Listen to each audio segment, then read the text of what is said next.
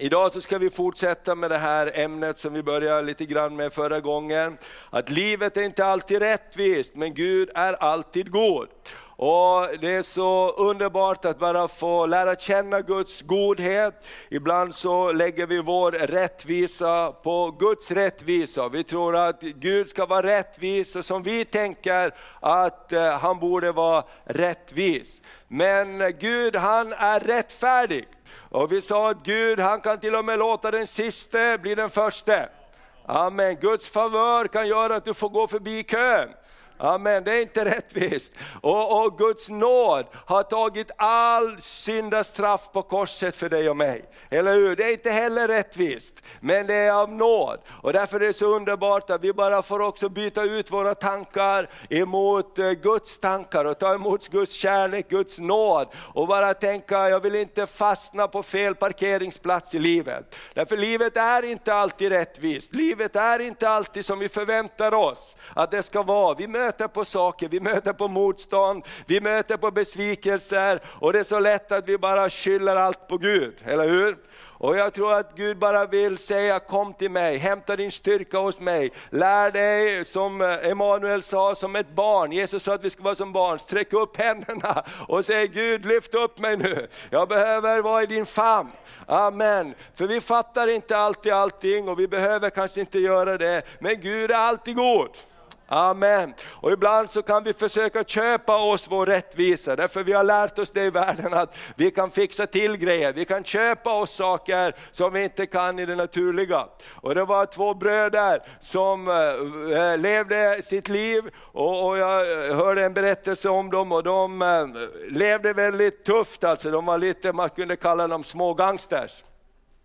Och, och de växte upp i samhället och så dog den ena brodern. Och, och, De hade gjort mycket pengar men på ett orättfärdigt sätt. Och Det, var, det skulle vara begravning och, och den här brorsan som levde, han gick fram till prästen och sa, du, eh, jag vill att du ska säga på begravningstalet att min bror, han var ett helgon. Och gör du det så, så ska jag skriva ut en stor check till kyrkan. Och, och, och, som alla kyrkor är ofta i behov av pengar så pastorn såg på checken och så sa han okej okay då, jag gör det sa han.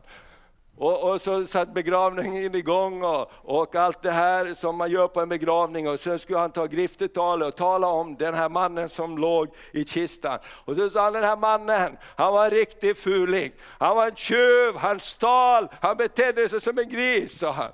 Och den här brorsan bara, han blev bara rödare och rödare. Men sa han till slut, han bara målade ut hur eländig den här hade varit. Men sa han, i jämförelse med hans bror så är han ett helgon. Amen. Så vi kan lära oss att tro att vi kan köpa rättvisa, eller hur? Men det håller ju inte längre. Amen. Så eh, därför så ska vi fortsätta att prata om det här. Och så är det också eh, så här att vi kan ta fram en bild av en pärla. Hur många vet hur pärlor blir till?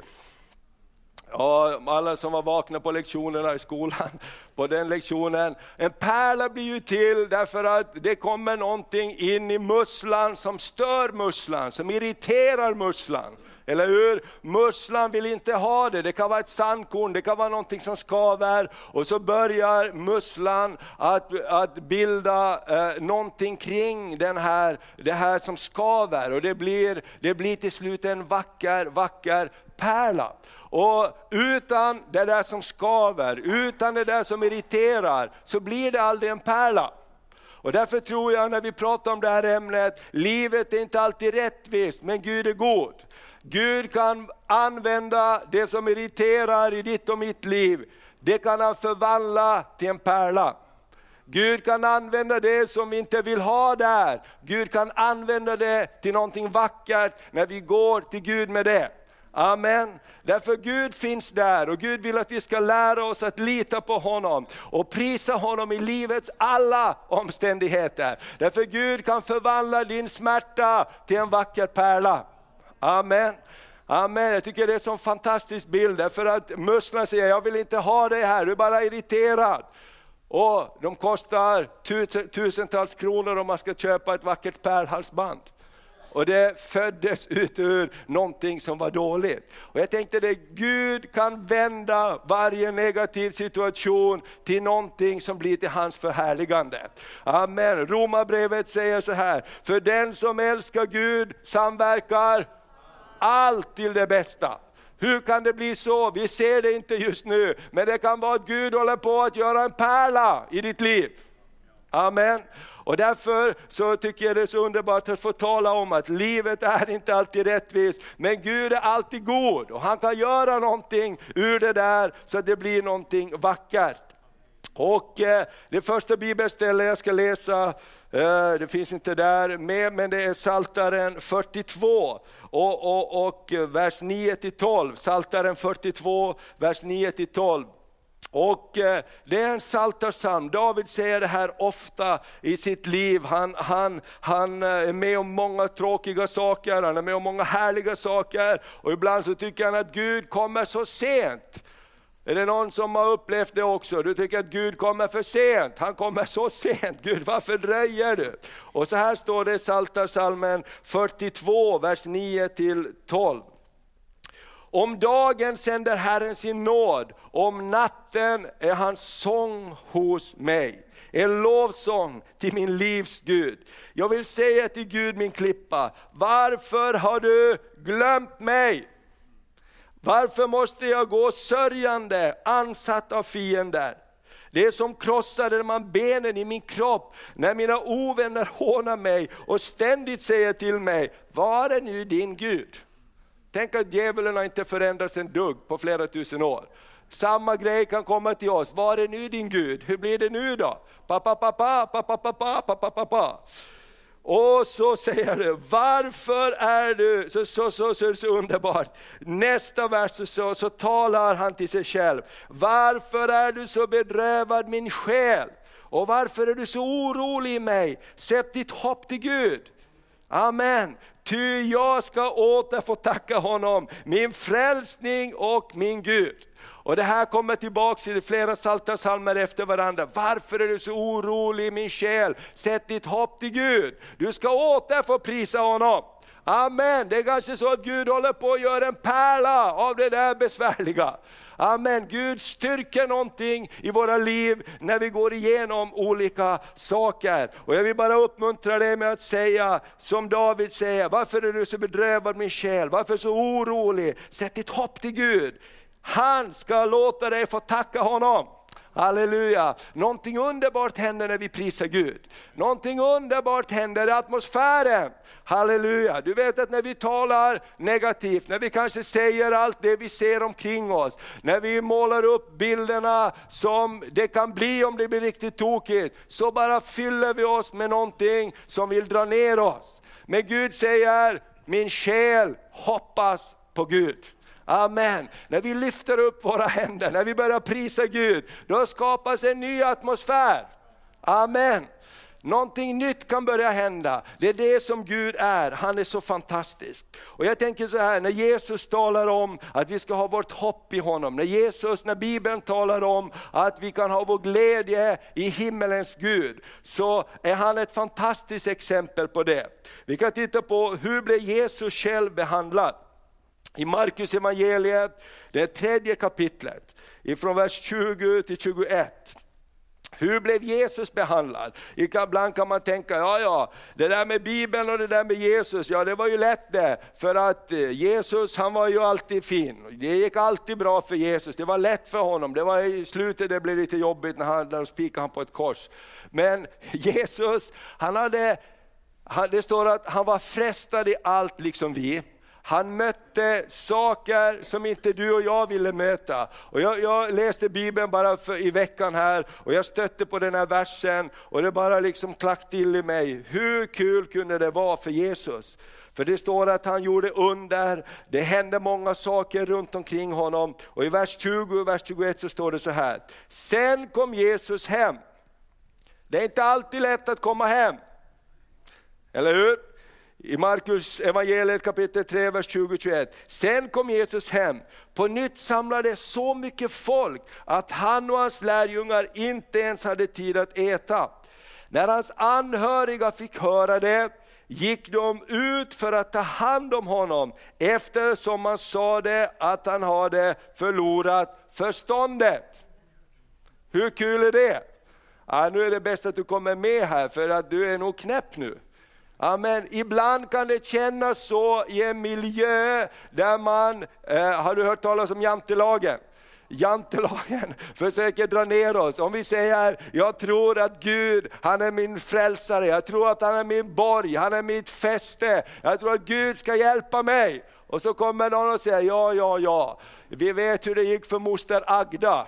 Hon sa någonting så också, tro inte att det ska gå så bra för dig, kom ner. Det är precis som Jesus, han kom hem och de sa, vi tror inte att du är riktigt klok. Vi tror att i en annan översättning står det att de sa att han hade mist förståndet. Vet du vad, ibland när du väljer att gå med Gud, när du väljer att lyfta dina händer och prisa Gud, i alla fall så kan det verka som, är du inte riktigt klok? Vet du inte hur det är? Jo men det är bara det, det finns en annan sida av saken också. Gud är god. Amen. Livet är inte alltid rättvist, men Gud är Halleluja, ska vi säga det? Livet är inte alltid rättvist, men Gud är alltid god. Halleluja! Så därför får vi välja någonstans, och att om vi ska försöka ändra på allting, om vi ska hitta någons fel, ibland är det ofta så i våra liv, vi, vi måste hitta, det måste vara någons fel. Och när vi har hittat vems fel det är, då är allting lugnt. Har du märkt det? Spelar ingen roll om ingenting har förändrats, bara vi vet vems felet är. Då är det lugnt. Men Gud är bättre än så. Amen, han är större än våra problem. Halleluja, tacka Gud för varje gång han visar sig större än våra erfarenheter. Amen. Det står så här också i Matteus 5 i saligprisningarna. Saliga är ni, säger Jesus, när människor talar allt ont om er, när människor förtalar er. Saliga är ni då, när ni sätter ert hopp till mig. Du kan läsa saligprisningarna när du kommer hem, vi ska inte gå in i det, men saligprisningarna finns där och mycket av saligprisningarna kan vara svåra att förstå. Hur kan det vara saligt att lida förföljelse? Det kan vara saligt om vi går till Gud. Halleluja, för att då blir ju behovet av honom ännu mer.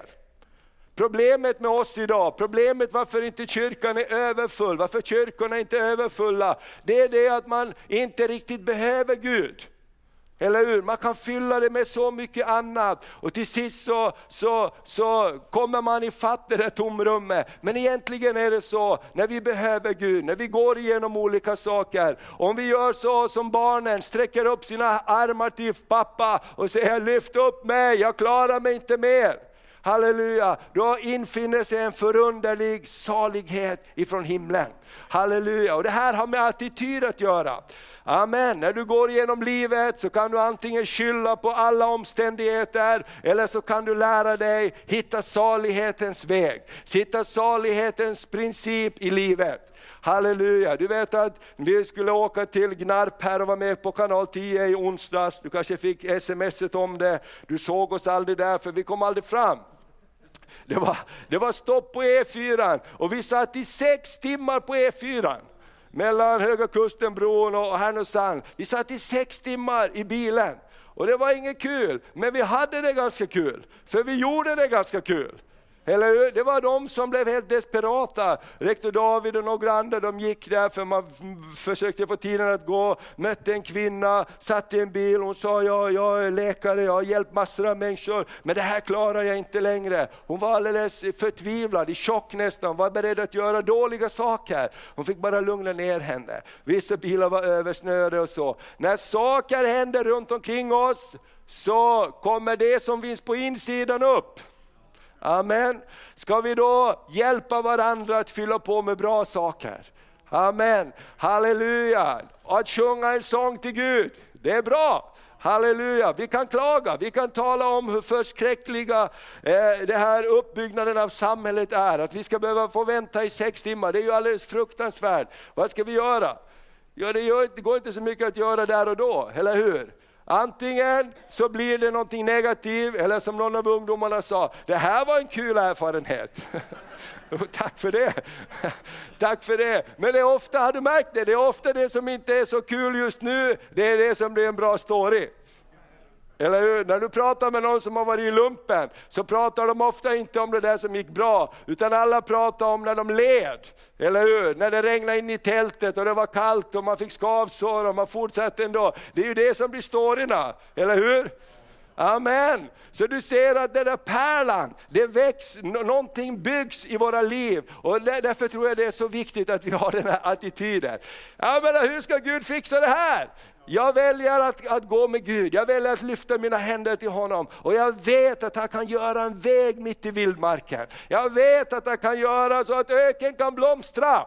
Amen. Du vet, antingen ser man bara problemen. Du vet de här, de här människorna som, som skulle åka och sälja skor till ett annat land. Och de, de, de kom till det, eh, först kom det en kille och sa så här, ju, han kom tillbaks. Chefen hade checkat honom iväg, vi behöver nya, nya områden. Och så sa det där funkar inte alls, de är jättefattiga i det där landet. Det är nästan ingen som har några skor. Vi kan inte göra någonting där. Chefen tänkte jag skickar en till för det är alltid bra med second opinion. Och nästa kille kom tillbaks, han var äldre och lågor. Det här är ju alldeles fantastiskt, det är nästan inga som har skor. Vi kan sälja hur mycket skor som helst. Amen. Alltså någonstans är det också, vad, hur väljer vi att se på olika saker i livet? För när livet passerar så är det ju ändå ditt liv som du får leva med. Amen. Du får leva med ditt eget liv.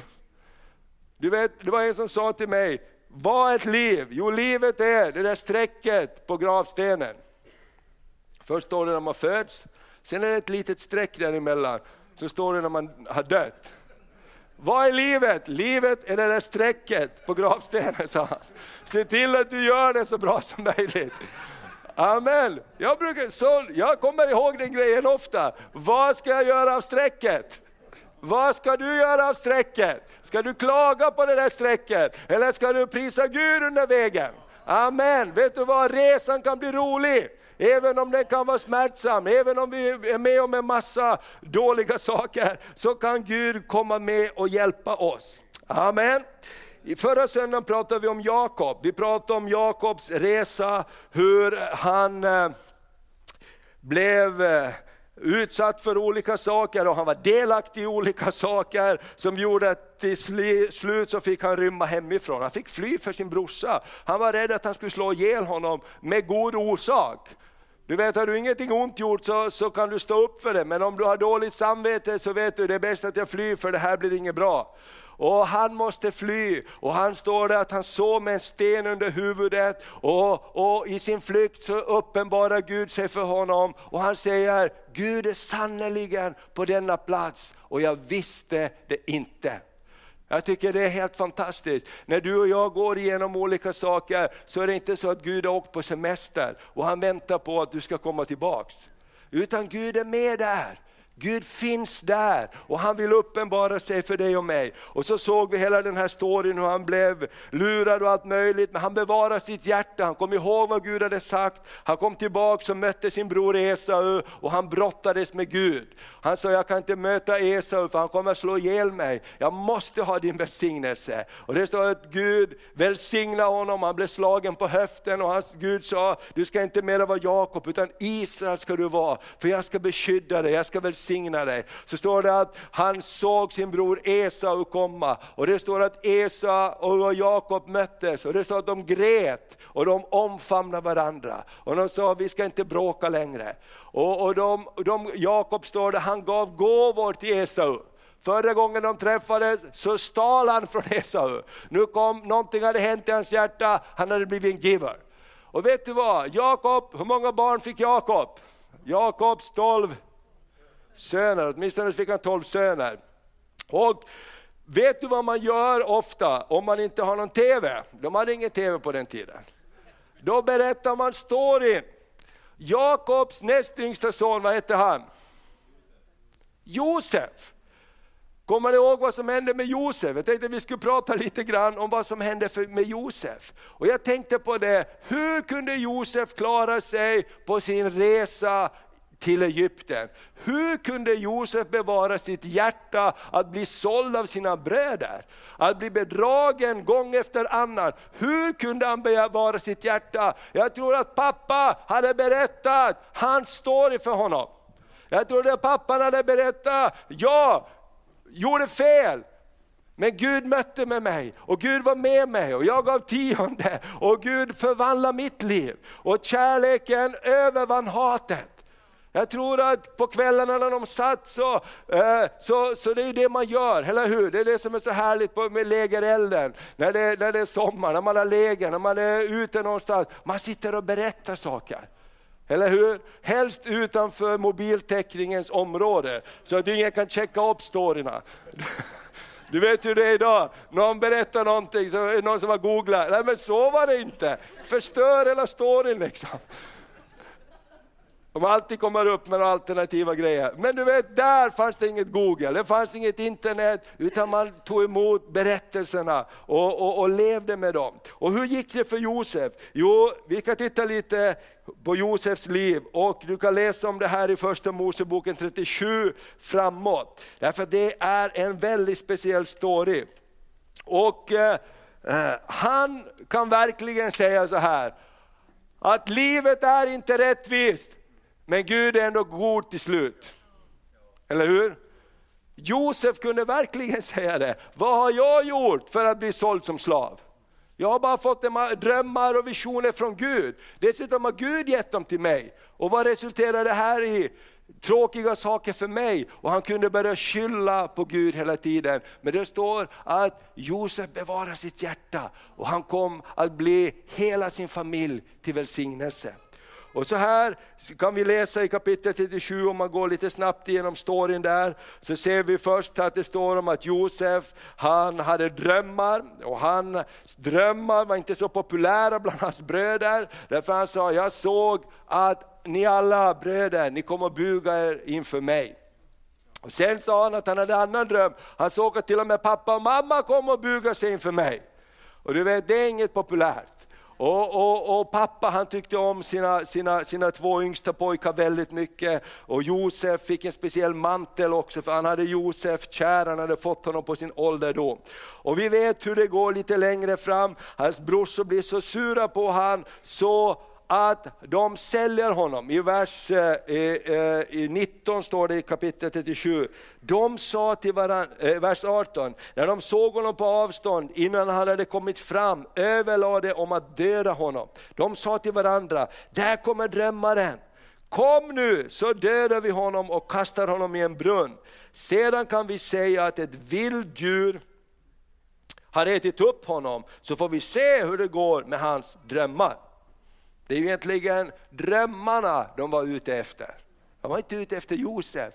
Sen ska vi se hur det går med hans drömmar. Vet du vad, saker kommer till dig och mig, saker lever i oss, vi har drömmar, vi har visioner. Ibland vågar vi inte ens berätta om dem, för vi är så rädda om vi gör det så händer det dåliga saker. Vet du vad, jag tror att Gud vill hjälpa oss att skaffa styrka för våra drömmar. I bönen, vi behöver medhjälpare, vi behöver många som står tillsammans. Du behöver hjälp för att din dröm ska lyckas. Och Problemet med Josef det var att han var ensam med sina drömmar. Och det står att hans äldsta brorsa sa, vi kan inte slå ihjäl honom. Vi, vi säljer honom, för där kommer en karavan. Vi säljer honom som slav och så delar vi på pengarna och så doppar vi, så söndrar vi manteln och doppar den i blod lite grann och så säger vi till pappa att ett vilddjur åt upp honom. Okej, okay? alla är med på det här? Du vet att man kan vara rörande ens om någonting som är fel. Eller hur? Det betyder inte att det är rätt. Ibland är lagarna fel. Och folk säger, jag har inte gjort något fel, jag har bara följt lagen. Det kan vara jättefel i alla fall. Eller hur? Och så vidare, därför det finns ändå sanningens lag, eh, samvetets lag och så vidare. Och du vet att vi som har läst vår story om Josef, vi vet att alla de här grabbarna, de kommer att en dag få bekänna att jag hade fel. Det var inte så att ett djur åt upp honom. Det var inte så, utan det var någonting annat som hände. Sen, vad hände sen? Jo, Josef, han blir ju såld som slav till Egypten. Vad gör Josef? Josef bevarar sitt hjärta, Guds favör över hans liv. Och så hamnar han ju i Putifars hus. Det går ju jättebra för Josef plötsligt. Och då kommer frestelsen, Puttifars fru vill ligga med Josef. Och det står att, äh, att hon är efter honom. Och så står det att en dag så sliter han av sig sina kläder och han rusar ut ur huset. För han vill inte befläcka sig med det som är orent. Ibland så är inte livet rättvist med oss därför att vi springer inte från det som är fel. Vet du vad? Guds ljus, det visar på vägen. När de vise männen sökte efter Jesus så följde de en stjärna. När de kom in i staden så tappade de blicken för stjärnan, därför stadens ljus var så starkt. Vet du vad? Ljuset från den här världen, den skymmer sikten på kärnan som ska visa oss vägen. Ibland så låter vi oss luras in i den här världens ljus, den här världens eh, glamour om vi säger, och vi vill gå den korta vägen. Det var, står det, att när de vise männen gick ut ifrån Herodes, de kom ut på landsbygden igen, då såg de kärnan lysa över stallet. Och jag tänker på det, ibland är det så med oss också. Vi hamnar i alla möjliga saker därför vi går bort ifrån kärnan som vill visa oss vägen. Amen. Och du vet vad som händer när han flyr och Puttifars fru blir arg och hon säger det är Josefs fel. Vad händer då? Han hamnar i fängelse. Vad gjorde Josef där? Josef fortsätter att vara en giver. Han betjänar människor, det gick bra för honom. Två av hans kompisar var, var, var faraos eh, tjänare, en var munskänk och andra var bagare. De fick drömmar och Josef hjälpte dem. Och Han gav dem utdelning på drömmarna, men när de blev fria så glömde de Josef. En dog och andra blev upphöjd, men de glömde Josef. Hur lätt är det inte att vara bitter då? Eller hur? Varför glömde du att det var jag som berättade det här? Varför sa du ingenting? Att det sitter en kille med mig i fängelse, han har ingenting ont gjort. Och han hjälpte mig. Men de glömde honom tills en dag när farao fick den här drömmen att, eh, om de sju svåra åren, de sju goda åren. Då kom munskänken ihåg, det var en kille i fängelse, han hjälpte mig, han kanske kan uttyda drömmen. Och Jag tycker det är en så fantastisk berättelse om Josef. Hur kunde han bevara sitt hjärta? Kanske var det för att hans pappa Jakob hade berättat sin historia för honom. Och Det står att Josef han blev en av Egyptens mäktigaste män. Han tydde faraos drömmar, han blev satt högt och, och, och bara, bara farao var högre av honom än honom. Och, och, så vet vi hela den här storyn. Och jag kan tänka mig, tänk när han blev upphöjd. Jag menar Putifar, han var ju också en av de stora. Tänk på den här festen när kungen säger, vi har en ny vice premiärminister i landet. Han ska ta hand om hela landet. Putifar, du kan väl hjälpa den här mannen? Inte vet jag hur det gick, men jag tänker bara att han kunde bevara sitt hjärta hela tiden. Amen. Liv är inte, inte rättvist, men Gud är alltid god. Sen kommer vi till den här storyn att det blir hungersnöd i hemlandet och Josefs bröder kommer dit. Och det är så starkt, han står att han valde att välsigna sina bröder istället för att förbanna dem. Vi kan läsa så här i första Moseboken 42, vers 21 till vers 24. Josef valde att välsigna istället för att straffa och förbanna dem. Då har man bevarat halleluja, i alla omständigheter. Gud, du håller bara på att göra en pärla här. Du bara kommer att göra någonting fint av det här som jag går igenom. Jag väljer att fortsätta att prisa dig, att tacka dig, för någonting bra kommer att komma ur det här. Och Det var precis det som hände i Josefs liv. Och så, så vet vi hela den här storyn, hur, hur han bara spelar med och han berättar inte att det är, han tar reda på, lever lillbrorsan, lever pappa och så vidare. allt det här. Och I vers 21 så, så, så så ger de en bekännelse för att nu börjar samvetet komma ikapp brorsorna. Och jag tycker det här är fruktansvärt att läsa, men det, det är sant. Så här står det i vers 21. Men de sa till varandra, vi bär på skuld för det vi gjorde mot vår bror. Vi såg ångesten i hans själ när han bad om förbarmande. Snälla, sälj mig inte, jag gör vad som helst. Men vi ville inte lyssna på honom. Därför har vi själv kommit till denna ångest.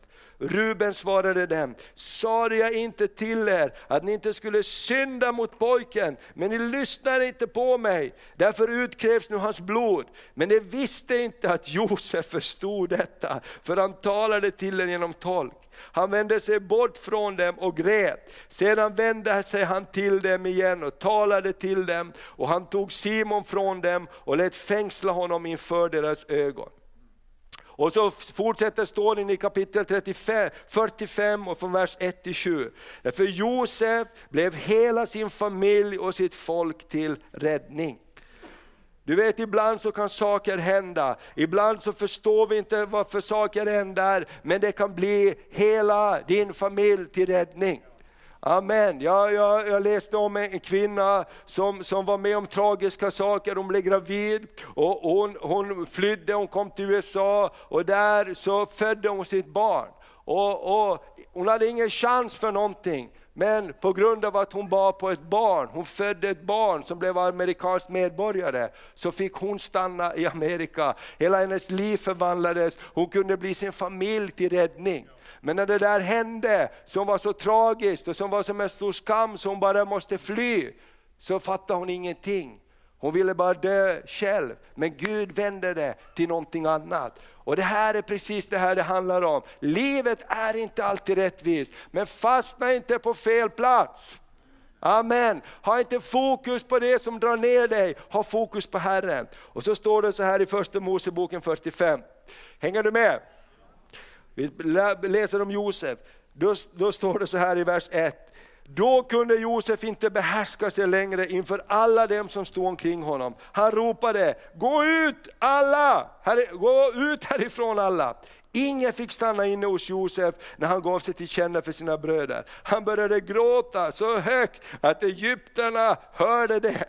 Tänk vilken pärs han gick igenom. Faraos husfolk hörde det också. Och Josef sa till sina bröder, jag är Josef, lever pappa ännu? Men hans bröder kunde inte svara, så förskräckta blev det för honom. Då sa Josef till dem, kom hit till mig. När de kom fram sade han, jag är en bror, jag är en bror Josef som ni sålde till Egypten. Men var inte bedrövade och sörj inte över att ni sålde mig hit. Det var för att bevara, eh, bevara liv som Gud sände mig hit för er. I två år har det nu varit hungersnöd i landet och det återstår fem år då man varken ska plöja eller köra. Men Gud sände mig hit för er, för att ni skulle få bli kvar på jorden, för att han skulle hålla er vid liv till, till en stor räddning. Halleluja! Så kan Gud göra. Amen. Var inte arg på pärlan som skav i musslan, för Gud håller på att göra någonting i det. Kanske var det så att Josef hade klarat sig genom alla de här åren. Han mindes sin pappas berättelse, hur Gud hade hjälpt honom.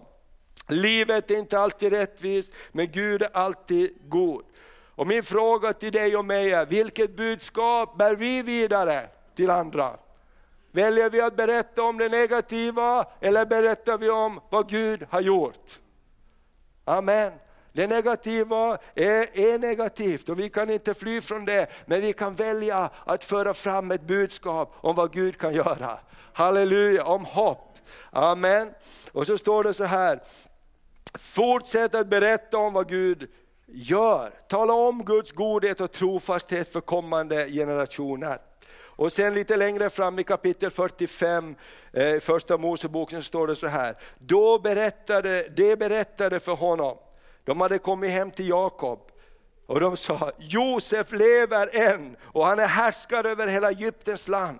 Då blev han alldeles lamslagen. Han kunde inte tro dem, men de talade om för honom allt vad Josef hade sagt till dem. Och när han såg eh, eh, vagnarna som Josef hade skickat för att hämta honom, då fick deras fader Jakob nytt liv. Halleluja! Vet du vad? Att ett gott budskap kan ge dig nytt liv. Amen, Jakob hade nästan gett upp hoppet. Men ett budskap kan ge dig nytt liv. Ett ord från Gud kan ge dig nytt liv. Ett ord från Gud kan ge dig nytt hopp när hoppet syns ha försvunnit lång väg därifrån. Och det står så här, och, och Israel sa det, det räcker, min son Josef lever än. Jag vill ge mig av så att jag kan få se honom innan jag dör. Halleluja. Han fick liv igen. Vet du vad jag tror att församlingens uppgift är? Det är att visa på Gud, att visa på Guds möjligheter, att tala om vad Gud kan göra. För Gud är större än varje omständighet. Halleluja, livet är inte alltid rättvist, men Gud är alltid god. Amen. Prisa vare Herrens namn. Så lär dig hämta styrka hos Gud. Och hur är din attityd till livet? Hur tänker du dig om dig själv och framtiden?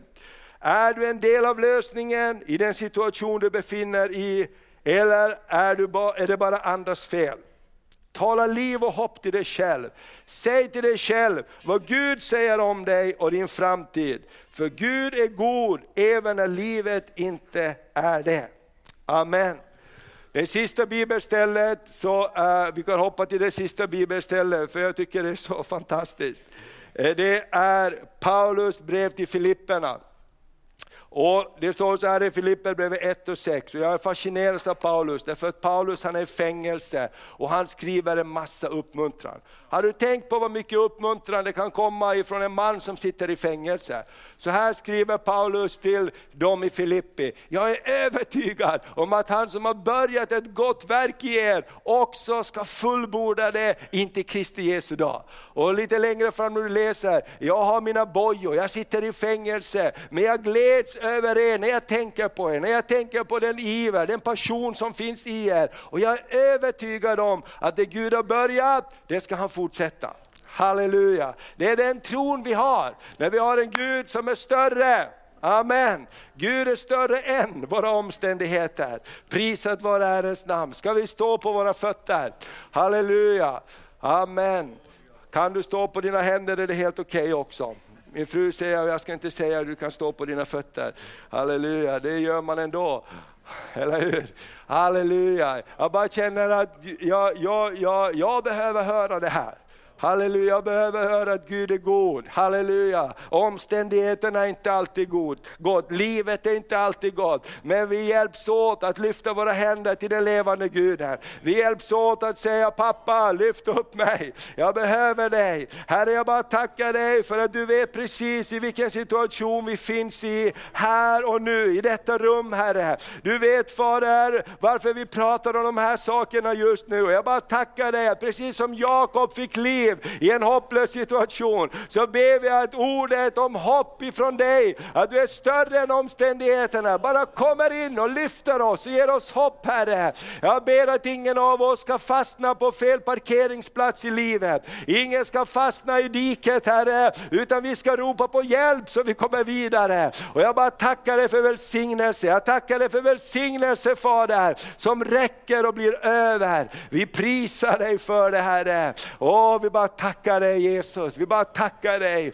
Åh, när vi alla är i bön, jag bara tror att det finns människor här som går igenom olika saker och det är så att du har till och med fastnat i kanske bitterhet och du söker svaret på varför det inte blir i en massa omständigheter runt omkring. Och jag bara tror att Herren säger till dig att sluta söka svaret på varför och varför och varför och börja lyfta dina händer, dina ögon upp till mig, så ska jag hjälpa dig, jag ska göra en väg. För du förstår inte allt som händer just nu, du förstår inte vad du går igenom, men Gud kommer att göra någonting vackert av det.